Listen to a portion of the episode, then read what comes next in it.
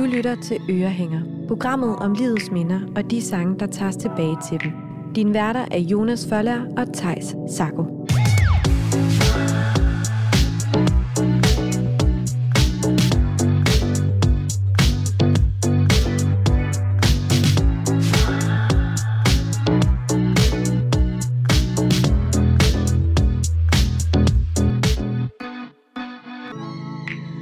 Velkommen til ugens afsnit af Ørehænger. Og som altid har vi jo en gæst i studiet.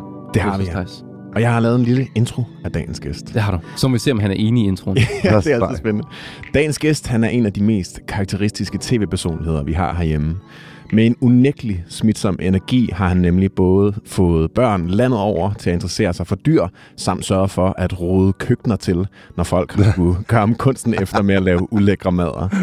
Hans kæmpe interesse for dyrenes rige har også udmundet i utallige bøger, øhm, foredrag og tv-programmer, hvor det mest kendte nok er Naturpatruljen, hvor han som Dr. Pjuskebusk har quizzet i forskellige dyrs lorte. Mm. Han er desuden tv-aktuel som deltager i sæson 6 af programmet Stormester, hvor han med sin krøllede hjerne løser tossede opgaver. Hjertelig velkommen til skuespiller, forfatter, foredragsholder og ivrig hobby-ornitolog, Sebastian Klein. Ja, tusind tak for det. Tusind tak for det. Det var meget fornemt. Vi er super glade for, at du har lyst til Jamen, at komme ind. det er en fornøjelse at være her. Tusind tak. Og det, altså, jeg lagde mærke til, hvor stille jeg var under den der intro. Lige så snart det handlede om mig, så, uh, så sagde jeg ingenting. du sagde jo også, at det i dag var dit yndlingsemne. Ja, ja, vi skal om. snakke om mig. Ja. Ej, den er faktisk stjålet. Det er, det er fra Crocodile Dundee. Okay. Han siger, I'd like to talk about myself. I'm my favorite subject. så, øhm, den, den stjal jeg. Sebastian, i dag skal vi høre om tre historier fra ja. dit liv. Ja. Vi skal starte med at høre om din barndom. Ja. Og da du mødte Beatles, og ja. ikke var sådan helt tilfreds med det. Ja, det er rigtigt. Og efter det, så skal vi til din ungdom ja. i 80'erne. Ja. Og din drøm om at blive rockstjerne. Ja, lige præcis, ja. Og så til sidst skal vi til uh, din tid i gymnasiet og dit venskab med en af dem, der var med til at starte Magtens Korridor. Ja, det er rigtigt. Og Sebastian, vi skal jo starte her med dig som barn og mødet ja. med Beatles. Hvordan, øh, hvordan var du som barn? Øh, ja, hvordan fanden var jeg som barn? Det ved jeg ikke rigtigt. Jeg tror, jeg, jeg, jeg var opvokset som ene barn, så, mm. så det var jo sådan lidt, det var sgu sådan lidt kedeligt, ikke? Øh, men øh, jeg tror, jeg var meget glad og forholdsvis udadvendt. Ikke så udadvendt, som jeg er blevet efterfølgende, men, men, øh, men forholdsvis udadvendt og forholdsvis glad og, og sådan noget lignende, men jo ikke altså når det galt musik, ikke sådan specielt sådan mega musikinteresseret. Det var ikke ligesom den vej, jeg sådan rigtig skulle gå, tænkte jeg. Hvad var det så, du var interesseret i? Øh, jamen, jeg tror allerede fra barnsben har jeg nok været meget interesseret i dyr. Altså det var sådan noget, som jeg synes var fedt. Øh, og jeg kan huske, at det må mine forældre have været meget opmærksom på allerede, fra jeg var helt lille, fordi at min onkel og min far, de havde... Øh, min onkel, han, han og sådan noget. Øh, min onkel var altid ansat af min far. Min far var teaterdirektør, og så ansatte han altid min onkel til at være sådan et eller andet. Han skulle bare være et eller andet hang-around-agtigt, så kunne han lave praktiske ting, fordi min far, han kunne ikke lave en skid. Øhm, men så lavede min, øh, min onkel, han lavede sådan en skabelon, en elefantskabelon, og så malede de elefanter på væggen inde øh, på mit børneværelse. Så øh, jeg kan huske, at hele mit børneværelse, det var sådan overklistret af af sorte, hvide og grå elefanter ja. på min væg. Så, altså, så allerede dengang, så var der jo et eller andet, der ligesom var, at, at de har fattet et eller andet, at han nok var interesseret i dyr, ham der. Hvor, hvor, er, hvor er du født henne? Jamen, jeg er født på Rigshospitalet, men opvokset, øh, født og øh, born and raised på Amager. Amager. Ikke? Øh, i, øh, på Billenborg, som vores hus hed som min far kaldte vores hus. Øh, er det sådan ydre Amager, eller er det?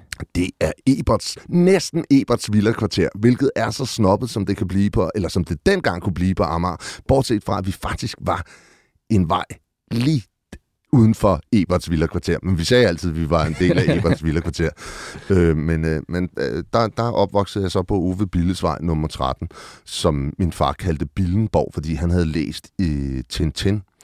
Og i Tintin, der havde kaptajn Haddock, han havde arvet slottet Møllenborg. Og så synes han, så, så kaldte han det der for Billenborg. Så jeg er opvokset på Billenborg. Det var bare et hus, men, men det, det lyder flot, ikke? Det lyder meget flot. Hvordan var Billenborg så for et barndomshjem at vokse op i? Jamen, det var sådan en forholdsvis stor rød øh, murmestervilla. Øh, med sådan en klassisk hvidt stakit rundt om og en stor have. Og det var jo egentlig meget trygt og meget fint at vokse op der. Og øh, det var sådan, sådan et hjem, hvor der kom mange mennesker, fordi min, både min far og mor var jo altså skuespillere, forfattere og øh, teater, øh, folk og sådan noget lignende. Så der kom jo alskens mennesker, som havde med øh, parnasset at gøre. Ikke? Der kom jo både øh, musikere, der kom skuespillere, der kom øh, forskellige forfattere og sådan noget lignende, fordi de blandede sig i alle mulige samfundsting. Så der var alt muligt, der kom forbi der. Politikere, der kom selv statsminister kom forbi. Ikke? Så, så jeg, jeg mødte jo mange mennesker øh, i min tid der, da, da, da jeg sådan ligesom vok, voksede op. Hvordan, ja, hvordan var det som barn? Altså, og alle de her mennesker kom på besøg, og statsministeren kom på besøg. Jo, jo, men min far var sindssygt berømt.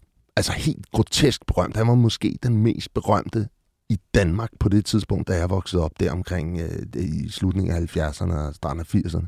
Så det var jo, når jeg var sammen med ham, så var det ligesom at gå ved siden af en elefant. Altså alle kiggede, alle smilede, alle pegede. Se, der går Jesper Klein. Og det var, han var egentlig ikke særlig glad for det. Han var meget sådan sky, når, når han var væk fra scenen og væk fra kameraerne og sådan noget lignende. Men, øh, men folk var, blev enormt begejstrede. Så, så vi skulle altid, hver gang vi var ude fra vores egen ejendom et eller andet sted, hver, hver gang vi var ude fra haven, så, så skulle det altid gå meget, meget hurtigt. Vi skulle altid løbe. altså, det var altid sådan, jeg halsede altid efter min far, som helt øh, tåbeligt øh, var iklædt øh, sådan en stor cotton coat og solbriller. Altså ligesom sådan stereotypen på sådan en kendis, der prøver at gemme sig, ja. ikke? hvilket jo egentlig bare gjorde, at folk kiggede endnu mere. Så det var sådan lidt åndssvagt, men, men han var ikke særlig glad for at være kendt, så vi skulle altid løbe. Hvordan synes du, det var? Altså, at folk sådan kiggede, også efter, også efter dig jo?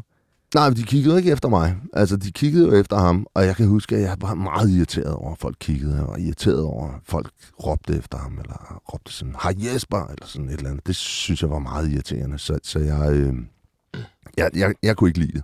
Uh, altså, jeg brød mig ikke om, at min far var kendt. Og så tror jeg også, i den alder, der vil man bare have sin, sine forældre for sig selv. Man mm. er ikke så glad for at dele dem. Hvad var dit forhold til dine forældre, da du var barn? Ah, det var skide godt. Altså, det var jo mine forældre, det var jo mine forbilleder, det var dem, der passede på mig, det var dem, der elskede mig. Så der var ikke... Der, jeg har haft en god barndom. Der er mange folk, der spørger, fordi jeg kom til at skrive en bog, der hedder Fra min faders skygge, og så, så er der en hel masse folk, der tror, det er et opgør med min far. Det er det altså ikke. Tværtimod. Hmm. Så øh, det, var faktisk, det var faktisk en joke, fordi vi havde sådan en hvad skal man sige, vi havde sådan en ironisk samtale altid derhjemme. Det galt om at tage pis på hinanden, det galt om at, at, at disse hinanden lidt og at, at tage lidt fis på hinanden. Så min far, han havde sådan en klassiker, hver gang jeg havde sagt et eller andet, som han enten var uenig med, øh, uenig i, eller han, han, han, han mente var forkert, så sagde han altid, du er for lille og for dum, gå ned i kælderen og moden fordi jeg havde, jeg havde børneværelse nede i kælderen. Så det var altså, du er for lille og for, for, for dum, gå ned i kælderen og moden. Og til det havde jeg to svar. Og det ene, det var, øh, når du bliver gammel, så kommer du på hjem sagde jeg altid til ham, fordi han sagde, at det, det, det ville han virkelig ikke. Eller også så sagde jeg, når du, når, når du dør, så skriver jeg en bog. Øh, og så sagde jeg, fra min faders skygge. Fordi det lyder så dystert og, og, og ondskabsfuldt, ikke? Og sådan, som sådan en rigtig opgør. Ikke? Øhm, så da han så døde, og der ikke var nogen, der skrev en bog om ham, så tænkte jeg, så bliver jeg nødt til at skrive en bog. Og øh, da de så spurgte, hvad den skulle hedde, så tænkte jeg, den blev jo nødt til at hedde fra min faders skygge, for det er jo det, jeg troede med i, jeg ved ikke, hvor mange år. Det har du sagt, altså. Så det havde jeg jo sagt, den gjorde. Så det kom den til at hedde som, som noget sjovt. Men den kom, da den så kom ud, så troede folk jo, at det var, det var sådan et eller andet form for opgør. Ja, og du blev forsømt som barn. Ja, jeg er blevet forsømt som barn. Det er jeg altså ikke tværtimod. Jeg har haft en glimrende barndom. Men det lyder som et ret sjovt hjem. Det var det også. Altså, det har jo været på mange måder spændende. Øh, altså, der var jo altid der skete jo altid noget, når, når, når mine forældre holdt møder, og når de skulle øve shows og forestillinger, sådan, så skete det jo derhjemme. Så, så øh, der kom jo altid folk, der var jo tit musik, og folk, der øvede i vores stuer. Altså, så stod der trommesæt og ting og sager stillet op, og så kom du ved, Tom McEwan og Jes Ingerslev, de, de lavede meget med min far, de lavede klyderne. Øh, så kom de og spillede og sådan noget lignende, og så, så lærte jeg også sangene, så sang jeg med på dem og sådan noget lignende. Så der, der skete jo mange ting. Og hvordan, hvordan altså, når, når de her mennesker af forskellige øh, art i, i den kreative mm. branche kom ind, Fik du lov til at være med, eller skulle du holde dig lidt på afstand, når jeg de voksne legede? Jamen, jeg kan huske, der var en mand. Jeg skulle ikke huske, hvad han var. Det var en eller anden, det var en eller anden politikertype. øh, der sagde til fordi jeg legede jo bare der, hvor jeg nu var. Og mm. jeg var jo gerne, man vil jo gerne som barn være der, hvor der er noget liv. Så jeg var jo gerne, jeg legede jo gerne med min med mit Lego eller mit Playmobil, eller hvad fanden det nu har været, der hvor mine forældre var. Og på et tidspunkt, der holdt min far møde med en eller anden type, og jeg ved, jeg, jeg ved ikke, hvem det var.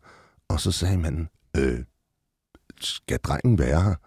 Og så kan jeg bare huske min far, altså jeg kiggede sådan op, fordi det var jo sådan klar, sådan en, gider du godt gå, knæk. Og så kiggede jeg op, og så kiggede min far sådan helt undrende på ham manden, og så sagde han, ja, han bor her jo. Og så var den potte sådan ligesom ude, at det var jo sådan, ja, altså der blev ikke lukket nogen dør for mig. Mm. Så der, hvor, hvor mine forældre var, der var det naturligt for dem, at der skulle jeg selvfølgelig også være. Det må også have været dejligt. Altså sådan, det er jo trygt følelse. Ja, det tror jeg også, det var. Jeg tror ikke, at jeg havde... Øh... Ja, det tror jeg også, det var. Altså, der var ikke noget, der var mig nægtet. Altså, man kan sige, det var jo trygt på den måde, men så var der jo også alt det der med, at folk var meget sådan interesseret i min familie øh, dengang. Så, så, øh, så, så bliver man også sådan lidt beskyttende måske. Mm. Sådan, du ved, når folk bliver ved med at være meget nysgerrige på øh, dine familieforhold, så begynder man også at sige, jeg må nok hellere lade være med at fortælle noget om min familieforhold. Så, så, øh, så vi var sådan meget hemmelige, både mig og min øh, mor og min far, om hvad, hvad, hvad der egentlig foregik inden for hjemmets døre. Mm. Hvad gjorde det så i skolen? Altså, oh, folk var... spurgte ind til det? Jamen, det var først, første dag, hvor jeg skulle... Øh, hvor jeg skulle starte i skole, der kan jeg godt huske, at hvordan skolen simpelthen lukkede. Altså fordi, at min far fulgte mig i skole, og hvordan altså folk, altså de der børn kom ud på gangene, og stod og kiggede, da min far gik ned, og sådan, og folk råbte, og, og lærerne kan jeg også huske, at lærerne stod også bare og smilede, fordi min far kom gående. Altså, det var det der, en elefant i snor, jeg kom gående med, ikke? Og øh, efter det, der sagde jeg faktisk til min far, at jeg helst ikke ville have, at han kom på min skole, fordi jeg synes, det var, det var ubehageligt, og alting kom til at handle om, om ham. Mm. Og det var ligesom mit sted.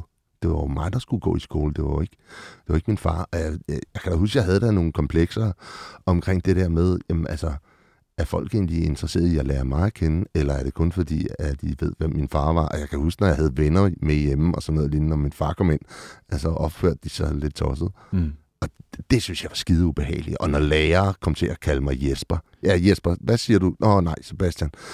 Det synes jeg var pisset nederen. Ja. Hvordan reagerede din far på, at du ligesom ikke ville lade ham følge dig i skole? Jeg tror bare, han synes, det var helt cool. Han, ja, okay. han synes bare, ja, det er rigtig fint, Sebastian. Det siger vi bare, det ordner mor. Ja, ja. Jeg mindre opmærksomhed på ham. Ja, lige præcis. Det synes han bare var fint. Ja. Vi skal jo til at høre noget musik, som du har taget med, Sebastian. Ja. ja. Og øh, hvad er sådan forhistorien til den her sang, som vi skal til at Forhistorien er en utrolig dårlig julegave. Ikke? Når man er lille barn, så glæder man sig jo som sindssygt til jul. Ikke? Hvad skal man få? Hvad får man af gaver? Øhm, jeg tror ikke, det var den eneste julegave, jeg fik den jul. Men jeg fik den her plade. Og det var, øh, det var Beatles. Det var en Beatles-plade. Og på den plade var der flere forskellige numre. Og det nummer, som jeg faldt over, var Twist and Shout. Og det kommer der, ja, kan jeg godt høre, ikke? Og det kan bare et eller andet. Prøv lige at høre. Altså, det er en begrebet af rock.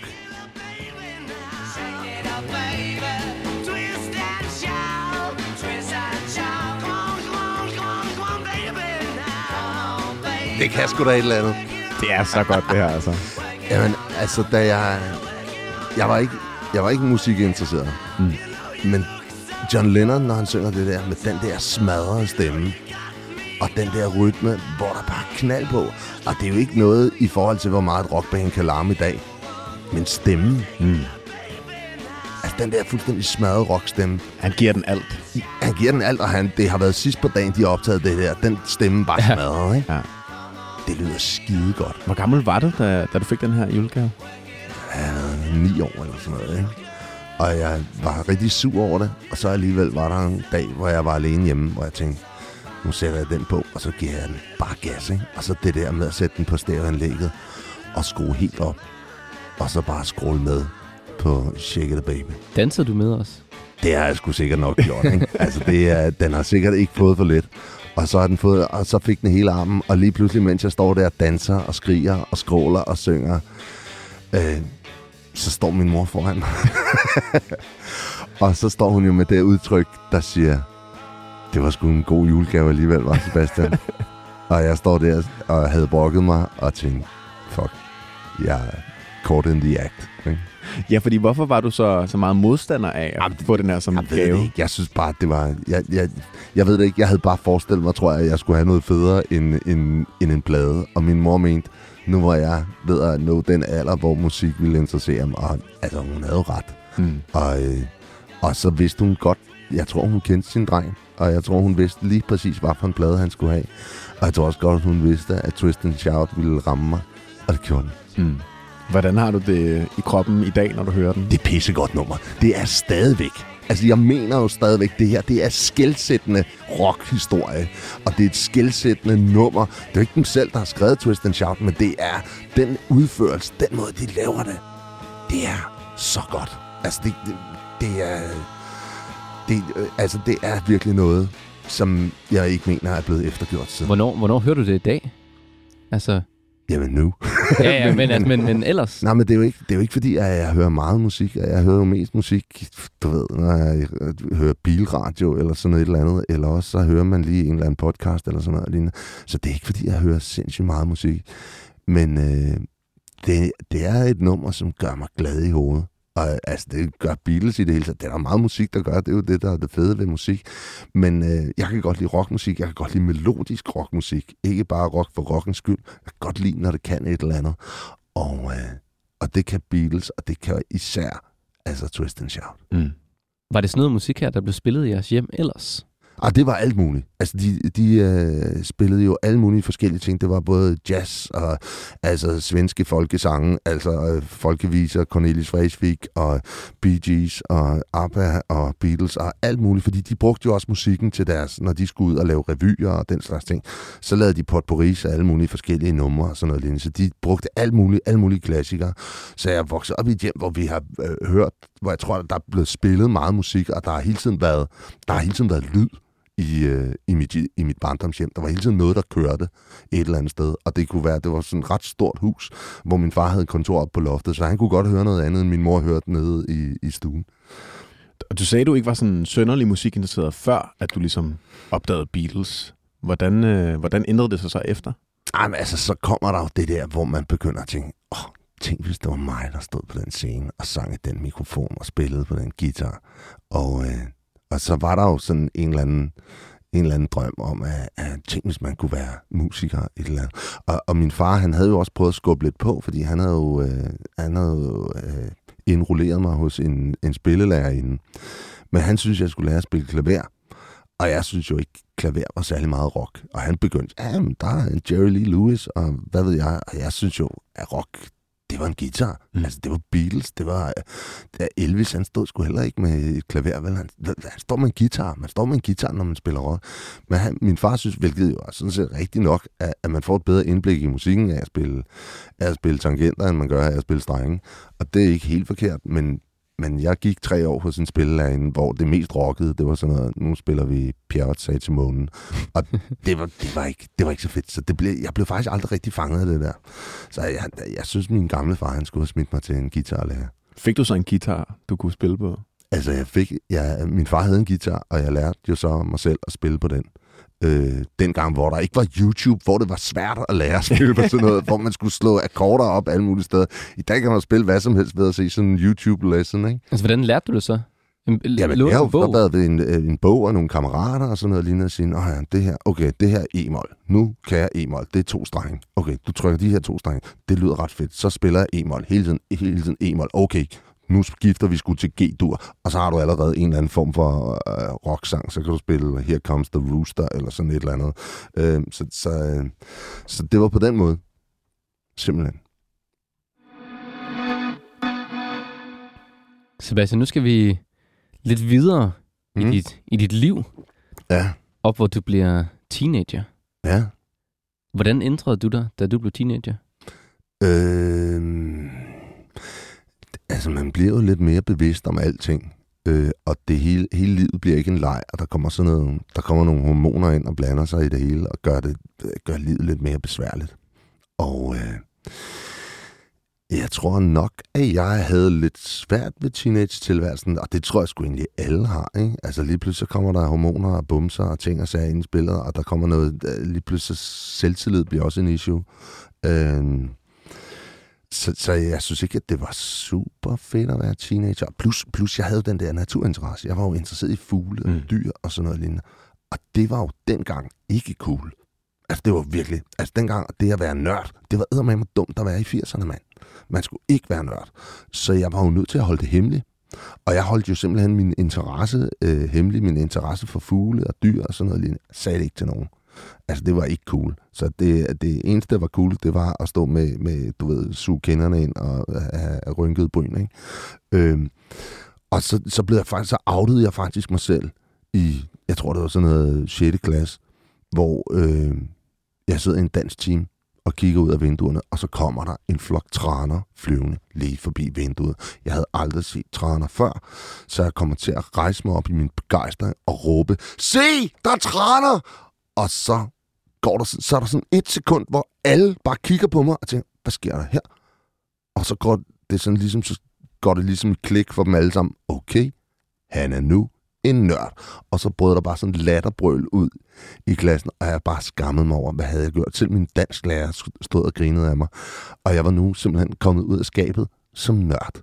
Og der var ikke noget at gøre. Og så kan man ikke komme ind i skabet igen. Nej. Hvordan ændrede det din, din tid i, i folkeskolen i 6. klasse? det, det gjorde jo ikke andet end, at så måtte man jo bare altså lægge kortene på bordet og sige, at den er god nok. Jeg synes, de der, øh, de der fugle og de der dyr, de er rimelig fede. Mm. Og, øh, og så måtte man jo tage det mobning, der uværligt følge, øh, fulgte med det dengang. Altså, det er, jo, det er jo fuldstændig anderledes i dag. I dag, så er det jo sådan noget med, når jeg er ude på skoler og sådan noget lignende, så går folk, øh, kommer øh, børn jo beredvilligt hen og siger, jeg synes også dyr er fede, eller øh, det er, du skal gå over til Jonas, han ved også enormt meget om dyr og sådan noget. Så i dag er det jo sådan lidt cool at være nørd, og det synes jeg er super fedt. Mm. Hvordan, jamen, hvordan ændrede sådan dit, dit sociale liv sig efter, at du ligesom var blevet stemplet som nørd? Øh, ah, det ændrer sig jo ikke markant. Altså, så, så leder børn jo trods alt heller ikke. Men det, det var bare lige... Altså, du, du ved, man prøver alting, når man er ung. Så prøver man for alt i verden at undgå fornedrelse, ydmygelse i hvilken form det nu end tager. Ikke? Og der var lige en fornedrelse, som jeg lige måtte æde. Øh, og værre var det jo for fanden heller ikke. Mm. Altså, så det var, jo ikke, det var jo ikke det store problem. Men jeg husker det bare. Jeg husker bare oplevelsen af min egen begejstring over at se de her træner, og den efterfølgende katastrofale ydmygelse, det var at have et helt klasseværelse, og en dansk lærer, der, der lå, der lå håndligt af en. Ikke? Men var det ikke også rart, at på en eller anden måde, at nu skulle det ikke holde det skjult længere? Var der ikke, var der ikke, var der ikke noget rart Ja, ved, det at... skulle man jo egentlig tro, men sådan husker jeg det faktisk ikke. Nej. Jeg husker det faktisk ikke så meget. Jeg husker det som om, at uh, ja, den, den ville jeg godt have holdt hemmelig nogle år endnu, og bare øh, spillet sej med de andre. Men, øh, men det kan godt være, at det var rent. Ja, altså, det er jo nogle år siden nu, så Mm, jeg mm. kan sgu ikke helt huske det. Hvem delte du den her interesse for dyrene med? Jamen, øh, jeg havde en kammerat, der hed Kasper, da jeg var ung, øh, som havde gået på min skole, eller havde gået i min klasse, men som så var gået ud.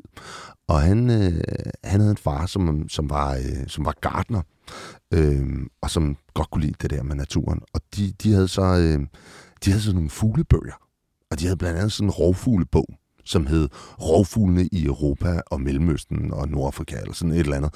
Og så, sad vi, så kiggede vi nogle gange den der bog, og så billederne af de her forskellige rovfugle. Og, øh, og så sad vi sådan og snakkede om, hvad for en kunne du tænke dig at se? Ja, jamen, han kunne godt tænke sig at se en blå glente, kan jeg huske. En blå glente, hvilket også er en badass rov, rovfugl. Ikke? Altså, vi taler om en fugl, der er blå. Alle, alle fugle, der er blå, er jo bare badass. Sådan er det bare. Hvis, hvis den er blå, så er den cool. Når det så samtidig er en rovfugl, så er det jo helt sindssygt. Så han ville gerne se en blå glænder, og jeg ville gerne se en lammegrib som var den her gigantiske gribefugl, der øh, blandt andet kunne ses i Sydeuropa. Kæmpe øh, stort vingefang. Og det gik så vidt, som uh, jeg, jeg har fortalt mine forældre om det her. Øh, og sagt, at den der lammegrib, den gad jeg godt at se. Og så, øh, den fandtes tættest på Danmark i Pyrenæerne, altså bjergkæden mellem øh, Spanien og Frankrig. Ja. Og øh, så sagde min mor, "Nå, så kører vi sgu til Pyrenæerne. Min mor var bange for at flyve. Så vi kørte i bil ned gennem, og det passede hende udmærket, fordi hun elskede Frankrig, og det var sådan noget med, uh, så skulle de drikke vin og på vinsmagning på alle mulige vinslotte og spise fransk mad, det kunne de også godt lide. Ikke? Så det var lige så meget for at tilgodese dem, tror jeg. Det var en så, god undskyldning. For Ja, det var en god undskyldning, men, men, men vi kørte fandme hele vejen til Pyreneerne, øh, og faktisk også lidt ind i Spanien. Øh, mig og min far og min mor i sådan en lille bitte Peugeot. Og øh, det var da en oplevelse og fantastisk, og, og meget, meget øh, generøs, synes jeg, af mine Ja. forældre. Så kørte vi derned, og så så jeg på fugle på vejen. Og så indimellem, når jeg ikke... Øh, og, og derhjemme, der så jeg jo så lidt på fugle med ham Kasper der, og vi sådan snakkede om, hvad for nogle fugle man havde set, og hvor mange forskellige arter man havde set, så vi begyndte også sådan lidt at konkurrere. Og så, så begyndte det ligesom at tage, tage ved, og så begyndte vi at lære andre, der havde den samme interesse at kende. Og så det der, så knytter sig så knyttede der sig lige pludselig venskaber til de her fugle. Jeg lærte nogle mennesker at kende, som var sjove, og som synes det samme som mig. Altså, man fik et fællesskab om det der. Og, øh, og det har jo sådan set holdt ved. Mange af mine venner er, er jo nogen, som jeg har kendt, som har været fuglenørder siden, siden vi var børn. Som jeg stadigvæk ser i dag. Hvad gav det dig at se de her Arm for fugle? helvede. Det er, nu, hvad gav det mig? Hvad giver det mig? Ja, det, er det er det den samme, dag det er også- det samme i dag. Det kan, jo- det kan være svært for andre mennesker, der ikke Ja. er så interesseret i fugle at forstå. Går I til koncerter? Ja. Ja. Okay. Hvad, hvad, nu bliver jeg lige nødt til, nu skifter vi lige roller Ja, her. det er Hvad, fint. hvad, hvad vil være jeres, hvis I skal nævne jeres absolutte yndlingsband i verden? Den er svær. Ja, den er Giv et bud. Godt Øhm, bud. jeg kan godt se Oasis, for eksempel. Oasis. Godt bud, mand. Det gad jeg også godt. Men okay, du står... Forestil dig, at du møder Liam Gallagher og Noel Gallagher. Du får endda måske lov til at se dem slås. ikke? Men altså, det, det er, du møder dem. Det er, jo, det, er jo, det er jo kæmpestort. Ja. Sådan er det også for mig at se en sjælden fugl. Ja. Det er kæmpestort. Det er, altså, det giver kuldegysninger, og det er rush. Det er et adrenalinsus for mig. Ligesom det er at komme ind og se en eller anden kæmpestor, fed koncert. Hvad enten man er til rockmusik, eller opera, eller hvad man nu er til. Det der med at møde noget fantastisk, eller være... Øh, du ved, det kan også være, at du er interesseret i astron- astronomi, og du øh, går efter at se den der øh, fuldstændig totale solformørkelse, og opleve det der scenarie one, one on one. Ikke? Og det er det samme for mig. Altså, det giver det der adrenalinkick. Det er som at springe ud med en faldskærm. Det er den der, det er jagten. Og øh, se den der... Altså, jeg går øh, benhårdt efter at finde sjældne fugle. Mm. Det er jo det, som jeg tænder ultimativt på. Og når det sker, og det sker sjældent, men det sker dog alligevel årligt, at jeg finder et eller andet, der er sjældent, så giver det et rush. Altså, det giver et eller andet, at jeg tænker, "Åh, kan det være en amerikansk jejl, det der? Nej, det er sgu nok bare en almindelig jejl. Nej, nej, det, det er sgu måske en, det er sgu en amerikansk jejl. Altså, det, det er sådan noget, det giver et eller andet, og det er så top nørdet, det er jeg godt klar over, men det er mit drug. Mm. Det er det, som jeg synes er fedt. Var der så allerede dengang også noget sådan lidt konkurrence, eller man kunne imponere lidt hinanden? Jamen, det er jo det, som mange siger, som er fuglenørder. Det er jo sådan, ah, det er sådan nogle søde nogen, der godt kan lide at gå ud i, i naturen og se på, uh, hvor dejlig naturen er, og høre fuglene synge. Ja, ja, det er altså også benhård konkurrence og en sport. Altså, jeg har en sport med mig selv og en konkurrence i. Jamen, altså, når jeg er udendørs, jeg registrerer alle, alle fugle. Alle fugle, lyde, alting registrerer. Hvis der er noget, jeg ser, eller noget, jeg hører, som jeg ikke kan kende, så bliver jeg jo topfrustreret. Fordi jeg kan kende det hele. Jeg, jeg kender alle lyde. Så, så, så, så derfor, når der så indimellem er noget, som ikke er, som det plejer at være, så bliver jeg frustreret, hvis jeg ikke med det samme kan finde ud af, hvad det er. Jeg, jeg skal se den, jeg skal finde ud af, hvad det er. Og, øh, så, så, så det er jo på den måde en eller anden konkurrence med mig selv, fordi at, at det giver mig noget. Mm. Altså, det, jeg ved godt, det lyder sikkert åndssvagt derude, men det, det er virkelig sådan noget, som... Det er en passion. Det lyder fantastisk. Jamen, det er fantastisk. Men det lyder også som om, at, at, at uh, naturen, som jo ellers bliver betegnet som, det er rart og det er roligt, det også kan være sådan en stressende Det er oplevelse. topstressende, mand, når man render rundt. Især hvis du har set en eller, anden, en eller anden brun fugl inde i en busk, og den så er dumpet ned, og den ikke kommer frem igen. Altså, jeg siger, det, det kan være det mest... Altså, det kan være sådan noget, man har mareridt om, om om natten, ikke? Uh, hvad fanden var det, jeg så der? Ej, det kunne have været noget rigtig sjældent, det der. Så sådan, uh, så tosset er jeg. Jeg synes, vi skal hoppe lidt tilbage til, til 80'erne, Ja. som du var, var ung i, Ja. og øh, noget af den musik, som der fandtes her. Fordi du har taget noget musik med, Ja. men øh, som vi kan forstå, så, så, så er det ikke sådan noget musik, du var helt begejstret for til at starte med? Nej, for det der 80'er musik, Wham og Duran Duran og hvad der ellers var der i 80'erne, det var ikke noget, der sagde mig det store. Jeg var jo stadigvæk sådan til Beatles og sådan noget. Men så kom der, øh, så kom der MTV, og der begyndte at komme sådan nogle musikvideoer. Havde den derhjemme? Uh, nej, det havde vi nok ikke. Nej, det tror jeg ikke, vi havde. Men der, øh, der, blev, der var nogle programmer også på DR, som, som havde nogle musikvideoer og sådan noget lignende. Og der blev sendt, der så jeg en musikvideo med George Michael. Det var efter Wham var stoppet, og George Michael var startet sin solokarriere. Og han, øh, han, han, han, det er så musikvideoen til den, det nummer, der hedder Faith. Og det er altså en musikvideo, hvor han står i sådan nogle mørkeblå denimbukser, hvid t-shirt og en altså så badass læderjakke, som der overhovedet kan opdrives. Altså, den er så cool. Og så har han håret lagt i de helt rigtige folder, og så har han øh, de sejeste solbriller på overhovedet, og selvfølgelig rockstøvler. Altså, de mest rockede rockstøvler, som man overhovedet kan forestille sig. Og så var der jo det her beat, som øh, meget gerne skulle komme lige omkring nu.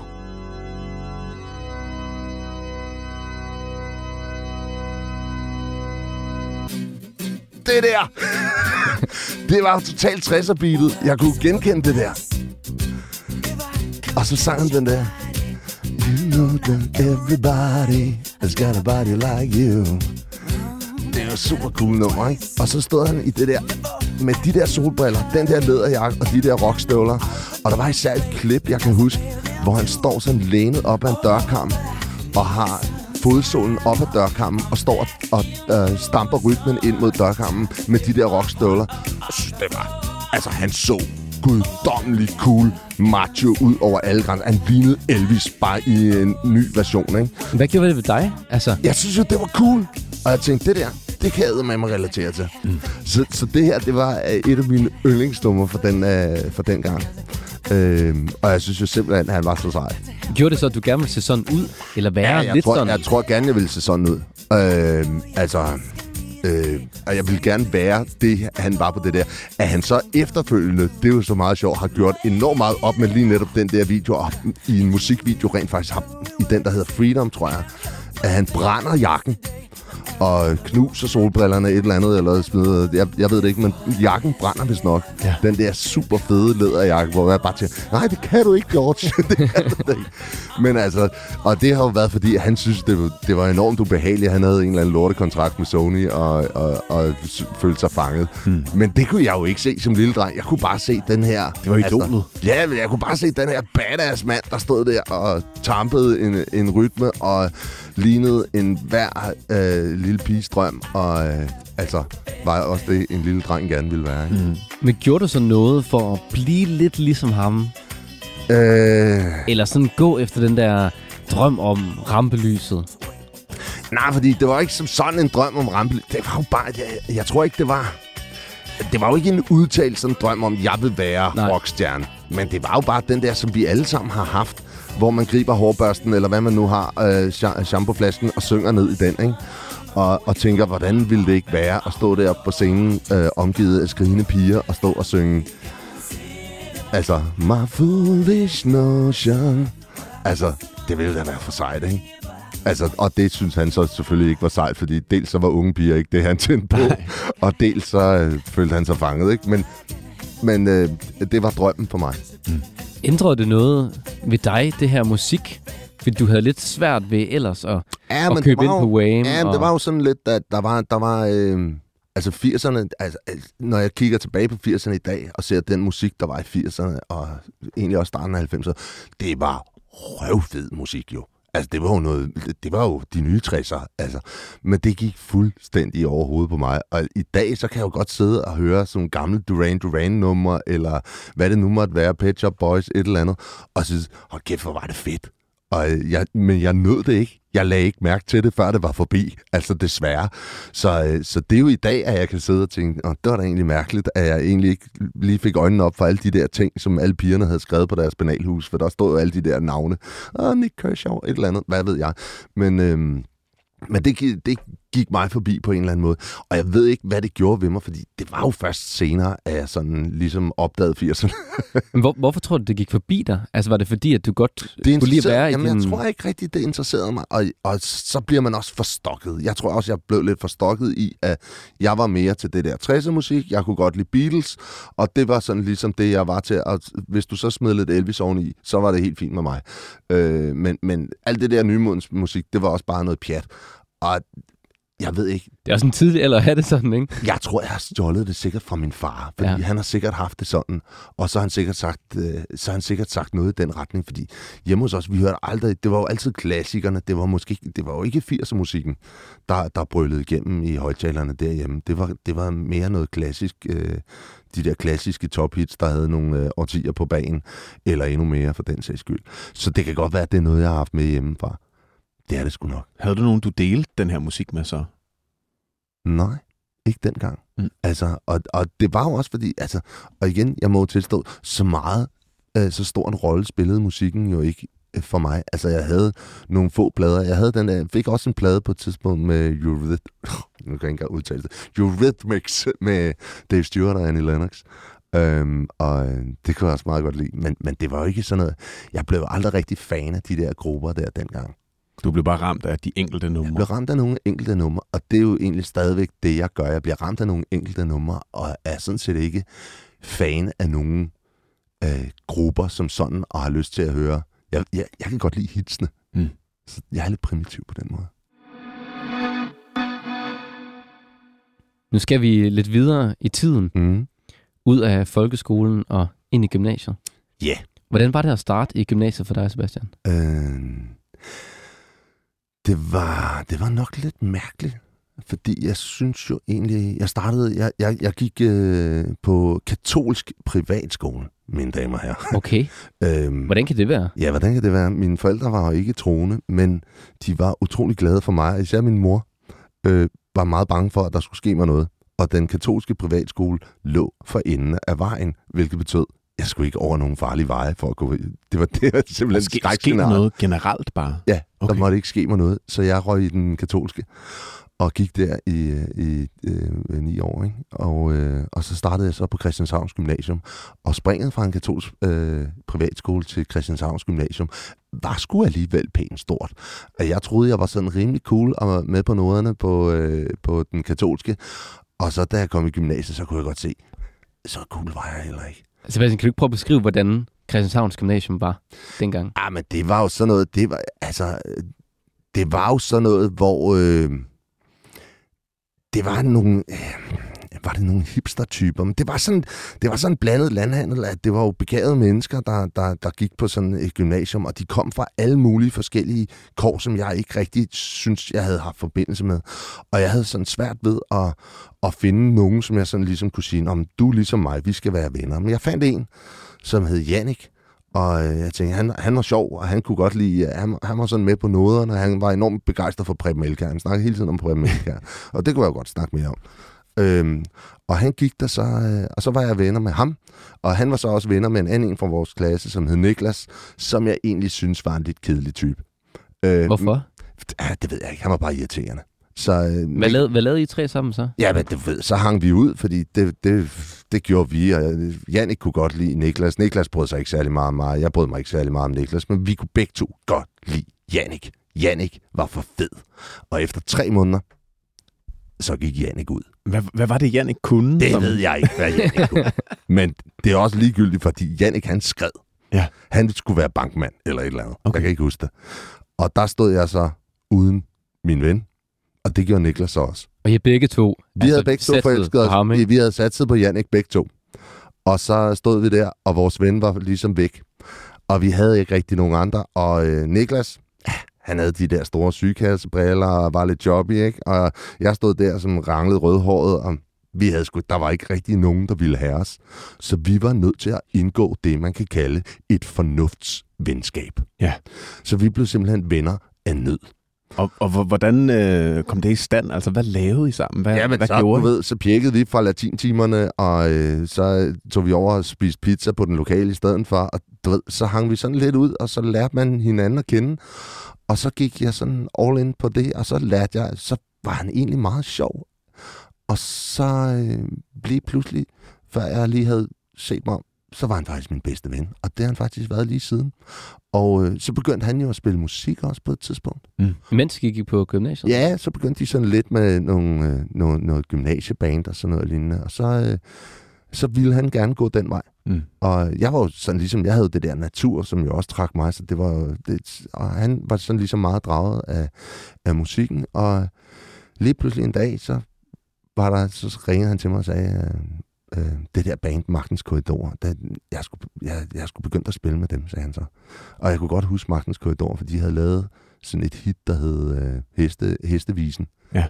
Øhm, Hvor, hvor, og hvordan skete det? Altså, kendte han dem, eller var de på Ja, ja samme han, var gymnasie? sådan, eller? han var sådan lidt i nogle forskellige bands og sådan noget lignende. Og så lige pludselig så fik han så foden indenfor der, øh, fordi de manglede en guitarist. Og så sagde han, at det kunne han godt, og de var ikke særlig store dengang. Øh, og så kom han med i det band, og så kom de med i Karrierekanonen. Og så kan jeg huske, at vi var ude og øh, lave en optræden.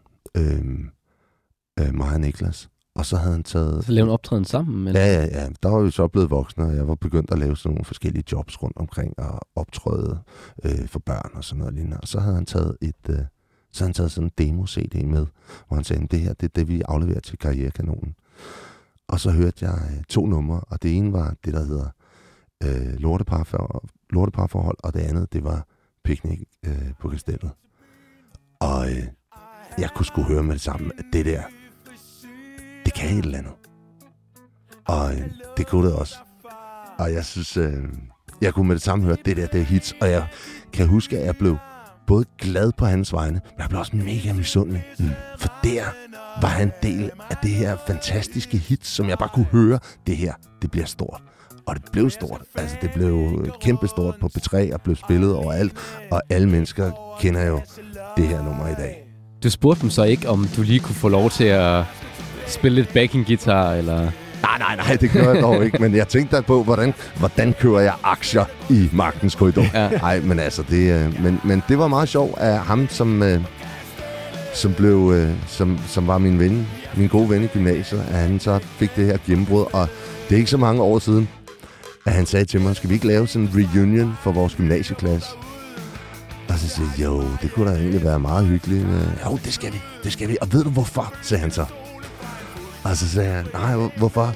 Fordi så kom vi over, og til sådan nogen der, så ved du godt, så kommer man altid hen, og så siger man, Nå, hvad laver du så?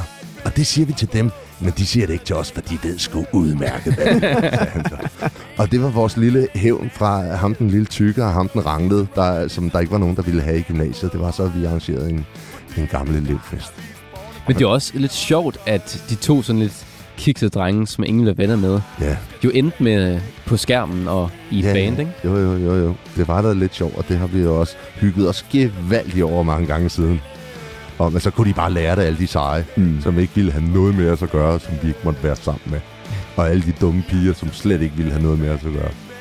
Og det, der kan de bare se, hvad I gik glip af. Og det hele skyldes, at Jannik, han gerne vil være bank. det hele skyldtes, at Jan ikke ville være bankmand. Ja, så er der aldrig sket. det er sjovt. Ja. Hvordan, øh, du siger, at I stadig er rigtig gode venner i dag. Hvordan har jeres venskab så udviklet sig i løbet af årene? Jamen, det er jo bare... Det er jo sådan noget, når man har en, en god ven, så er det dog bare. Og du ved, så ses vi, og vi laver jo også... Så, så laver vi også noget sammen. Altså, så øh, har, har jeg jo haft ham med, når jeg skulle ud og optræde. Så er det så har jeg jo indimellem skulle bruge en guitarist. Så er det jo selvfølgelig Niklas, jeg tager med ud. Og så, så på den måde har vi jo øh, hængt sammen. Og, og ligesom brugt, at vi har også skrevet ting sammen og sådan noget lignende. Så ja, han har synes jeg også hjulpet mig med bøger og sådan noget lignende. Så, og øh, når jeg har skrevet sangtekster, så har han sat melodi på. Og når jeg har lavet børnemusik, så er det gerne sammen med Niklas, jeg har lavet det. Mm. Så alt det musik, jeg har lavet, det er stort set lavet med Niklas. Det hele. Jeg tænker, at vi også skal snakke lidt om tiden efter gymnasiet, og hvordan Mm. du sådan kom ind i, i den verden, som de fleste nok kender dig fra, sådan tv og, Ja. og øh, dyreriget og sådan noget. Hvad, hvad skete der efter gymnasiet? Øh, efter gymnasiet, øh, der skete egentlig ikke særlig meget. Så gik jeg lidt på... Så øh, jeg fik et arbejde i en børnehave, og jeg søgte ind på lærerseminaret og havde pædagogseminaret som tredje prioritet. Jeg kom ikke ind på lærerseminaret, men kom så ind på pædagogseminaret, gik der i tre måneder og droppede så ud igen. Hvorfor? Øh, det var egentlig meget sjovt, men jeg var meget ung. Øh, Jeg var den yngste på hele pædagogseminaret, og det synes jeg var nederen. Øh, men så kom jeg så ind på lærerseminaret, og så gik jeg der nogle år. Og så mens jeg gik på lærerseminaret, så øh, ringede telefonen en dag, og så var det fra B&U. Og øh, de havde så... Ja, det er deres øh, børn og unge. Ja, børn, børne- og ungdomsafdelingen i Danmarks Radio, ikke? Og de ringede så, fordi de vidste jo godt, at jeg var Jesper Kleins søn, og de vidste godt, at jeg var øh, naturinteresseret, og de skulle lave nogle naturprogrammer til børn. Og jeg har været i starten af 20'erne, og lad os huske på, vi taler stadigvæk om en ranglet rødhåret type, der måske var lidt smule kikset. Lad os bare være ærlige. Øhm, og så var der en dame, der spurgte, kunne du tænke dig måske at prøve filme til sådan nogle børneprogrammer om natur? Og så tænkte jeg, fjernsyn? Det kan sgu være, der er damer i det. øhm, og så sagde jeg, jo tak. Og så, øhm, og så øh, prøvede filmet jeg, og så endte jeg med at, at blive ansat, og så lavede jeg nogle øh, børneprogrammer, som ikke blev særlig gode. Mm. Øh, men så hang jeg ud, og så mødte jeg øh, Martin og Ketil på et tidspunkt, som havde sådan nogle underlige idéer. Og så tænkte jeg... Hvad, hvad var det for nogle idéer? for Det var sådan nogle underlige idéer med, at de skulle tage en, en ske ud i naturen, og så skulle den der ske se på naturen. Nogle af dem var sådan helt blæste, men de havde også sådan nogle meget fede idéer til noget, de kaldte Naturpatruljen. Og så tænkte jeg, det, det er sgu ret sjovt. Og så sagde jeg, "Jamen, det, det I mangler, I mangler bare sådan en eller anden nutty professor-type. Det skal være mig. Og så sagde jeg, ja, det er en god idé. Og så var vi, så var vi tre venner. Og så, øh, så fik vi det, på en eller anden måde fik vi det igennem. Og så lavede vi Naturpatruljen, som blev en ret stor succes, hvor jeg så spillede øh, min egen opfindelse, dok, den, den wacky øh, Dr. Pjuskebusk, som sådan var sådan en blanding af Holger Bæk Nielsen og, øh, øh, hvad ved jeg, øh, alle mulige mærkelige, øh, skøre øh, professortyper, ikke? Professor Turnesol og sådan noget lignende. Havde du nemt ved bare at hoppe ind og finde på en karakter, og, og så spille den på den? Ja, for det, det var jo sådan noget, jeg havde hjemmefra. Det var jo i Godteposten, som jeg havde set min far lave alle mulige karakterer igennem livet. Så, så det tænker jeg, der, jeg stjal lidt fra ham, og jeg stjal lidt fra Flemming Jensen, havde en type, der hed Dr. Femmer også. Og det stjal jeg også lidt fra. Så stjal jeg lidt fra en hel masse, og så, så lavede jeg min egen skøre professortype, som jo var, altså alle havde jo en eller anden skør professortype, så lavede jeg bare sådan en. Og øh, det blev sådan taget rigtig godt imod, og vi lavede, øh, jeg tror vi lavede 50 programmer, eller nogen af 50 programmer. Og så var jeg sådan ligesom inde. Og øh, det endte så med, at jeg faktisk droppede ud af lærerseminaret, hvilket var ret ironisk, fordi jeg droppede faktisk ud af lærerseminaret, hvor jeg havde, jeg havde færdiggjort alle eksamener, bortset for biologi, som man jo ellers skulle tro, jeg kunne finde ud af. Men, men øh, jeg nåede faktisk aldrig at få min lærereksamen, så jeg sidder her foran jer som en fuldstændig uskolet røver i virkeligheden. Fortrød du det dengang? Ja, lidt. Altså et eller andet sted, så kunne det jo have været meget fedt. Altså, når jeg skal sidde og sige til folk, jamen, når, når, når folk siger, når, når folk spørger mig om et eller andet natur, et eller andet fagligt, og jeg så svarer dem, så kan de jo faktisk tillade sig, og det er der mange, der gør at sige, "Jamen, hvad fanden ved du om det? Du er jo ikke engang biolog. Det har de jo sådan set ret i. Mm. Så det er lidt irriterende. Så kunne jeg jo godt tænke mig at smide en eller anden form for titel i hovedet på dem. Det, det må, må jeg så undvære. Du bliver jo stadig spurgt, kan man sige. Ja, ja lige præcis. Hvad, hvad, hvad gav det dig det her med, at lige pludselig at kunne leve af din interesse? Ej, det er jo fedt. Altså, det synes jeg jo var helt fantastisk fedt, at jeg kunne få et arbejde, som rent faktisk også interesserede mig. At jeg kunne få, få lov til at arbejde med min egen passion. Så det har jo været... Altså, jeg, jeg synes simpelthen, jeg har været så heldig. Jeg har, jeg har fået mulighed for at rejse rundt i hele verden og opleve noget af den mest fantastiske natur, der findes på den her planet. Og, øh, og samtidig blive betalt for det. Altså, få penge for at lave sådan noget. Det er helt grotesk. Altså, jeg synes, det, jeg synes næsten, det er uretfærdigt. Hmm. Sebastian, hvordan var det, at folk også kunne begynde at genkende dig? For du fortalte jo også, at, at da du gik med din far, så du var lidt træls, at, at folk sådan skulle. Altså, jeg kan, huske, jeg kan huske den første autograf. Det var på, det var på Storbæltsfærgen, da de var der. At der kom der et, et, et, der sad jeg faktisk med Niklas, og øh, der kom der sådan en lille barn hen til mig og bad om min autograf. Og der tænkte jeg, at nu, at det her, det ændrer noget. Fordi lige pludselig så skal jeg være opmærksom på, at folk ser mig, og folk lægger mærke til mig. Og det har jeg jo så prøvet sådan ligesom at tænke, det, bliver jeg nødt til. Altså nu kan jeg ikke bare være øh, skidefuld skidefuld på rulleskøjter på Rådhuspladsen klokken, klokken 10 om aftenen. Øhm, så, så nu bliver jeg nødt til ligesom at opføre mig, prøve at opføre mig ordentligt og tænke mig om, før jeg, også før jeg går i radioen og siger et eller andet, som er helt forkert. Det går jo heller ikke. Øhm, så, så, så jo, det ændrede, ændrede sig en del, men jeg har hele tiden tænkt på, da jeg så selv fik børn, og tænkte, hvordan jeg egentlig opfattede min far, når han var kendt, og han brød sig ikke om det. Så jeg tænkte, at det skulle jeg i hvert fald gøre anderledes. Så jeg har altid været sådan meget imødekommende over for folk, der, der genkender mig på gaden, eller snakker til mig, eller har lyst til at sige noget. Og jeg kan huske, da min ældste søn var helt lille, der var, havde jeg meget pres over det der med at blive genkendt, fordi hvordan ville han nu tage det? Og der gik vi på gaden, jeg tror, jeg fulgte ham i børnehave. Og så kom der nogle store drenge, som, som så råbte, hey, hvad så Sebastian? Så siger jeg, hvad så rødder?